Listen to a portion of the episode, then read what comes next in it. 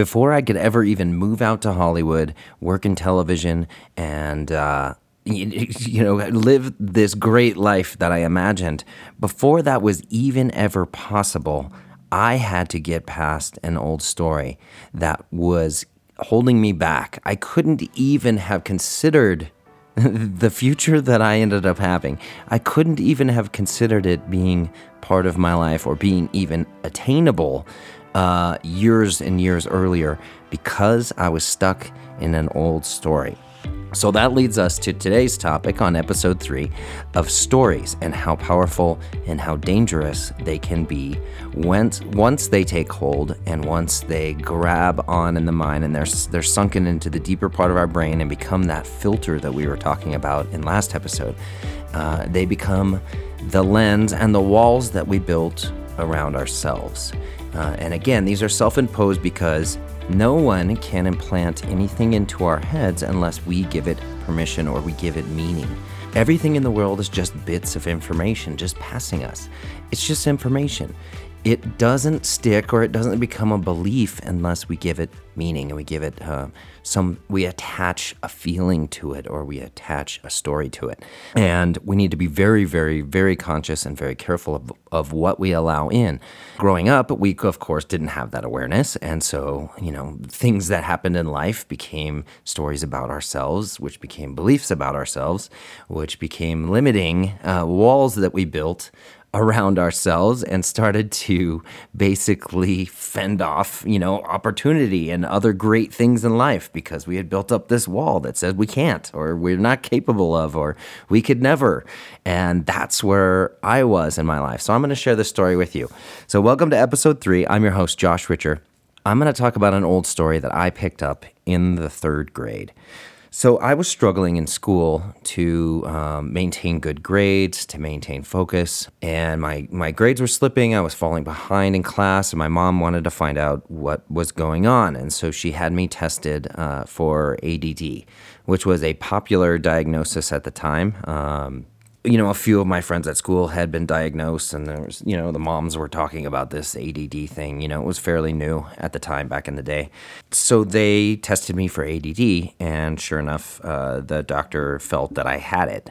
So they put me on Ritalin.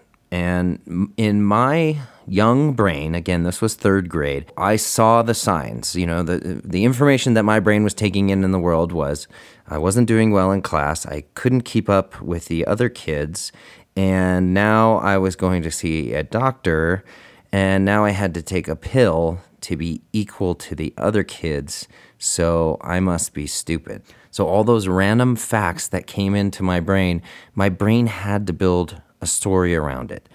The brain is a pretty amazing thing. I'm going to throw a little bit more neuroscience and, and sort of the, the history of this behind you. It doesn't like random facts. In fact, uh, there was a great example of uh, this guy named Joshua Foer, uh, he wrote for, I believe, the New York Times uh, during the, this article, and he went to study the world's uh, top memory champions. Uh, and there was a m- global memory championship, and he went to cover the story. And he talked to all these memory champions to figure out what it was that they did to you memorize uh, what they would have to do is like memorize random uh, a randomly shuffled deck of 52 cards in i think less than a minute or half a minute and then recite it back perfectly and so he studied these guys and what they were doing. And they weren't special. These guys weren't, you know, crazy Mensa people or had some special gift. It was a learned ability. And what he discovered was that to the brain doesn't do well with random facts. So these memory champions, you know, a randomly shuffled deck of cards doesn't mean anything. So they created a story. They create a narrative uh, around the facts, linking them together, and that is like super glue in the mind. I mean, that helps you because we are so wired for story over hundreds of thousands of years of evolution. And before written language, and, you know, we had to share stories around the fire at night, and that's how we passed on knowledge. So our brains are wired for story, and it doesn't like random facts. So these memory champions would create all of this, you know, this lewd story weaving in the the cards, you know, the suits and the the numbers and all of that, weaving in these random facts into a, a narrative and a story, and that's how they were able to remember it this Joshua Foer, the guy who was writing the article, decided to test it out. So for a year, he trained. Uh, he learned these skills and the story weaving that these other people, uh, that these memory champions were using. And he went back to the very same contest, uh, Global Memory Championship contest, a year later and won. so it's it's a fun story just to illustrate how sticky stories can get and how random fact your brain doesn't like random facts. It doesn't really know what to do with them. So it's always trying to weave in a narrative. And what it does is it fills in gaps. It doesn't like an incomplete story. It likes a whole story. So in my case, um, when we were talking about not keeping up with the rest of the kids, having to go see a doctor about it, my grades were slipping, and having to take a pill those are random facts that the brain is trying to make sense of, trying to figure out something. You know, what do we do with this? What what does all this mean? And so my brain created a story that I was stupid. Now, at the same time, I don't remember this. Um, I guess my mom, I, I believe she told me several times, but when you lock in a story, you don't hear things. Um, that also too becomes a filter, like we were talking about last time. So when I when that story hooked in, and when I bought that hook, line, and sinker, and believed that I was stupid, I couldn't see anything else. All I saw in life was I was stupid, even though there was evidence around me that I wasn't. Uh, the brain was uh, is always checking um, the the environment against your your beliefs and your stories. It's sort of fact checking. And if you have a story that you're stupid, then, you know, things happen in life that say, you know, are you smart? And then your brain checks in and says, no, we're stupid.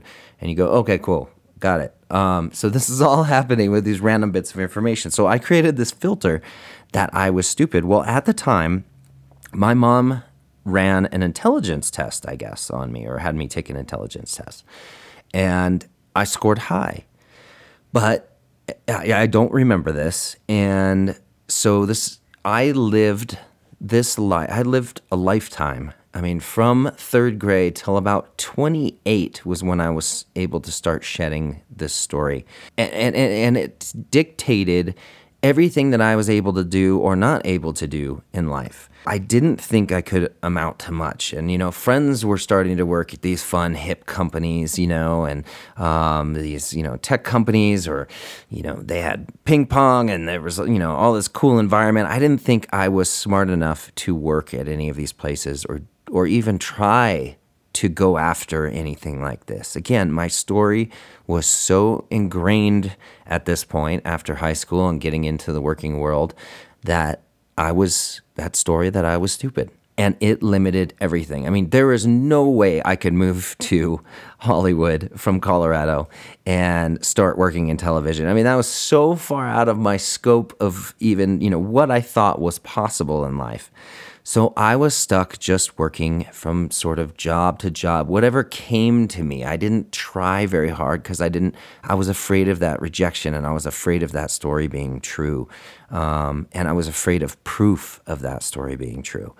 So I went after the easy, the easy jobs that I could get. A friend would refer me to a place, you know, I worked at I did some digital retouching for a photographer and uh, pretty much just sat behind a desk and, and didn't go after anything and didn't, you know, even though I had all these ideas about businesses and, and I was a natural problem solver and I had all of these wonderful ideas. I had inventions going in, you know, through my head and uh, ways to make things easier. And I never thought I could go after any of those things.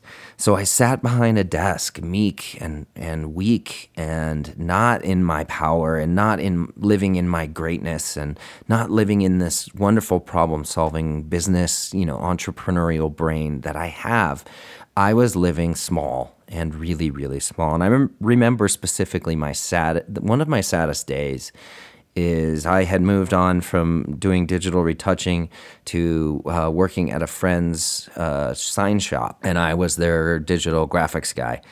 And I remember sitting in my office looking around and looking out into the shop where, you know, guys were working on signs and, and you know it was a lot of manual labor and and you know manual assembly and building and so it was very you know just sort of I guess you know uh, lower lower level job, um, just sticking vinyl onto signs, and um, I wasn't I wasn't living in my greatness basically. But I remember looking around me in my life and going, "Is this is this it?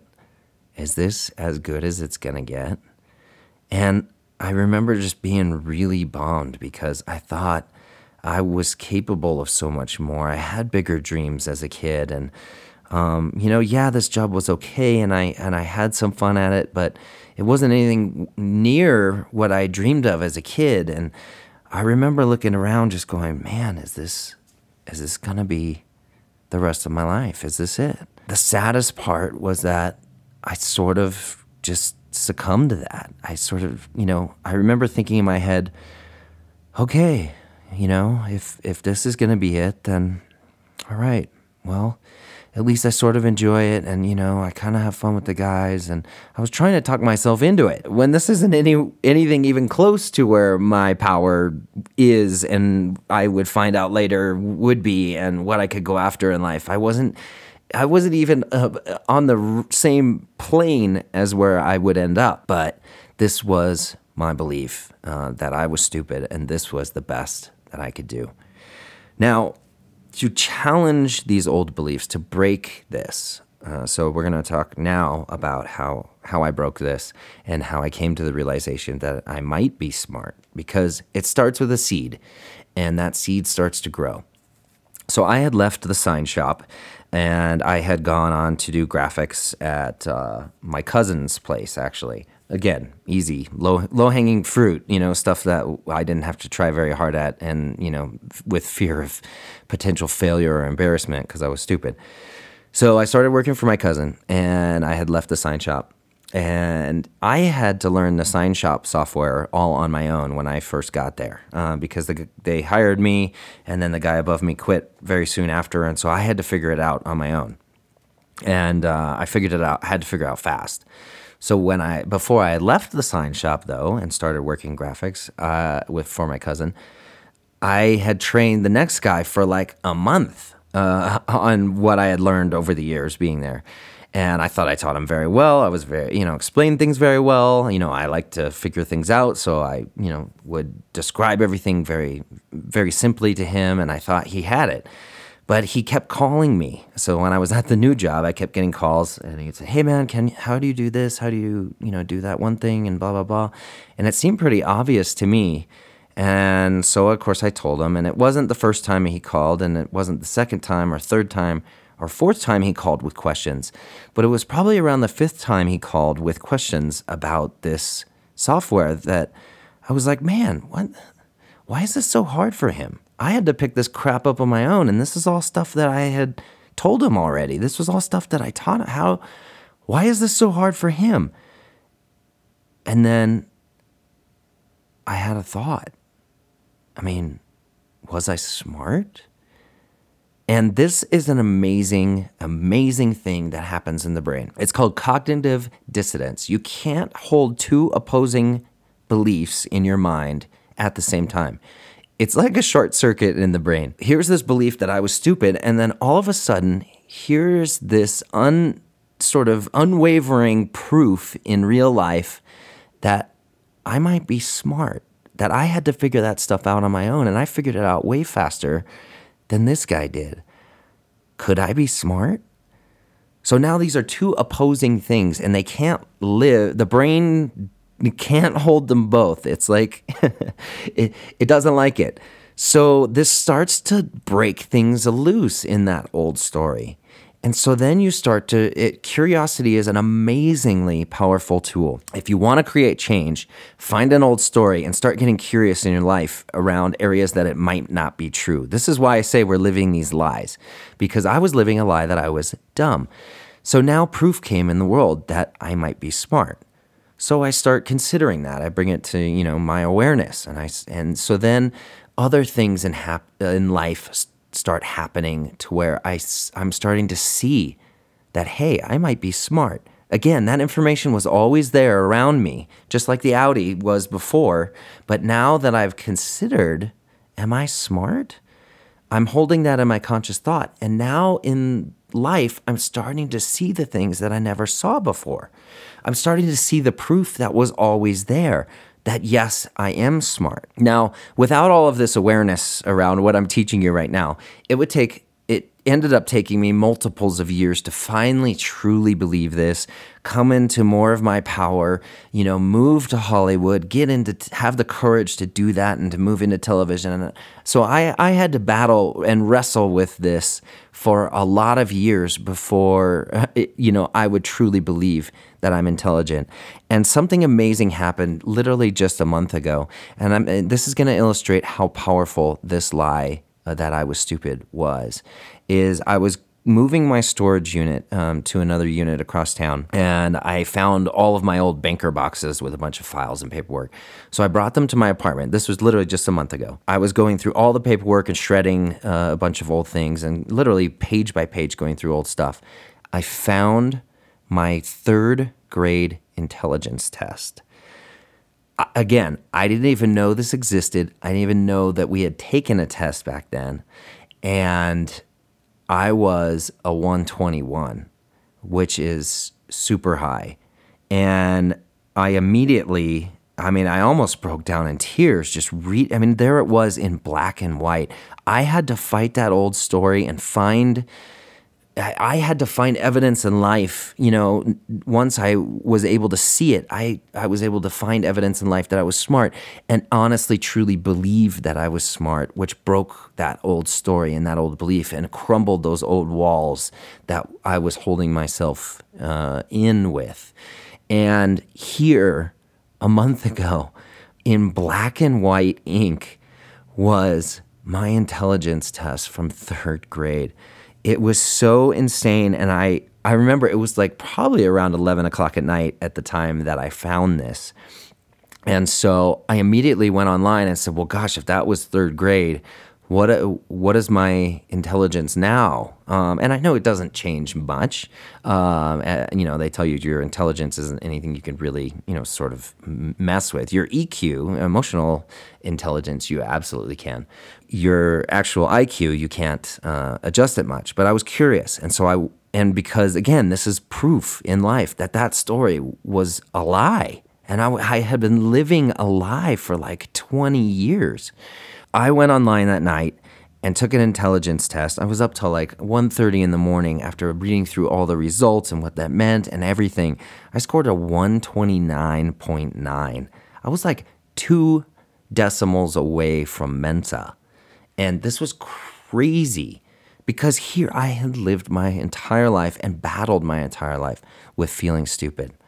This is how powerful these stories are. It literally dictated what jobs I could have, or I thought I could have, what I, dreams I could go after or couldn't go after, how big I could live my life, the the women I could go after and try and you know meet and date, and you know I was living so small because of an old incorrect belief. This is everything this is how powerful our thoughts, our everyday thoughts, and our beliefs are because it became a filter. I saw the world that I was stupid. And so that even evidence for 20 years past me that I wasn't, that I was intelligent, I couldn't see it. The filter was on that I was stupid, so intelligence wasn't even on the radar. So that's how powerful, and that's why I'm so passionate about this stuff, you guys, because it's. It, it controls your whole life. Your thoughts become your reality. Your life is a reflection of your thoughts. That's how in control your old stories are. So look around your life right now if things aren't supporting you. If they aren't if you aren't living the life that you feel deep down inside of you that you could be living living or should be living and you felt like you could be so much more, what is holding you back? What lies are you believing? What stories have you bought into about yourself that don't support that, that don't support you? And start looking for evidence in the world to support what you believe is there and what you feel is there and take an honest look at your life. When people tell you something and you just sort of brush it off, you know, like, oh, you're, you know, you look really great today, or you this or that, or, you know, people uh, give us compliments and we so often brush them off, you know, oh, thank you, blah, blah, blah. Take it in, you guys.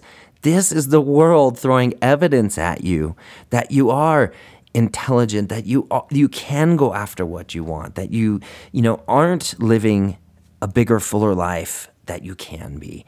So look at the negative things that are holding you back in your life, and I challenge you to take an honest look.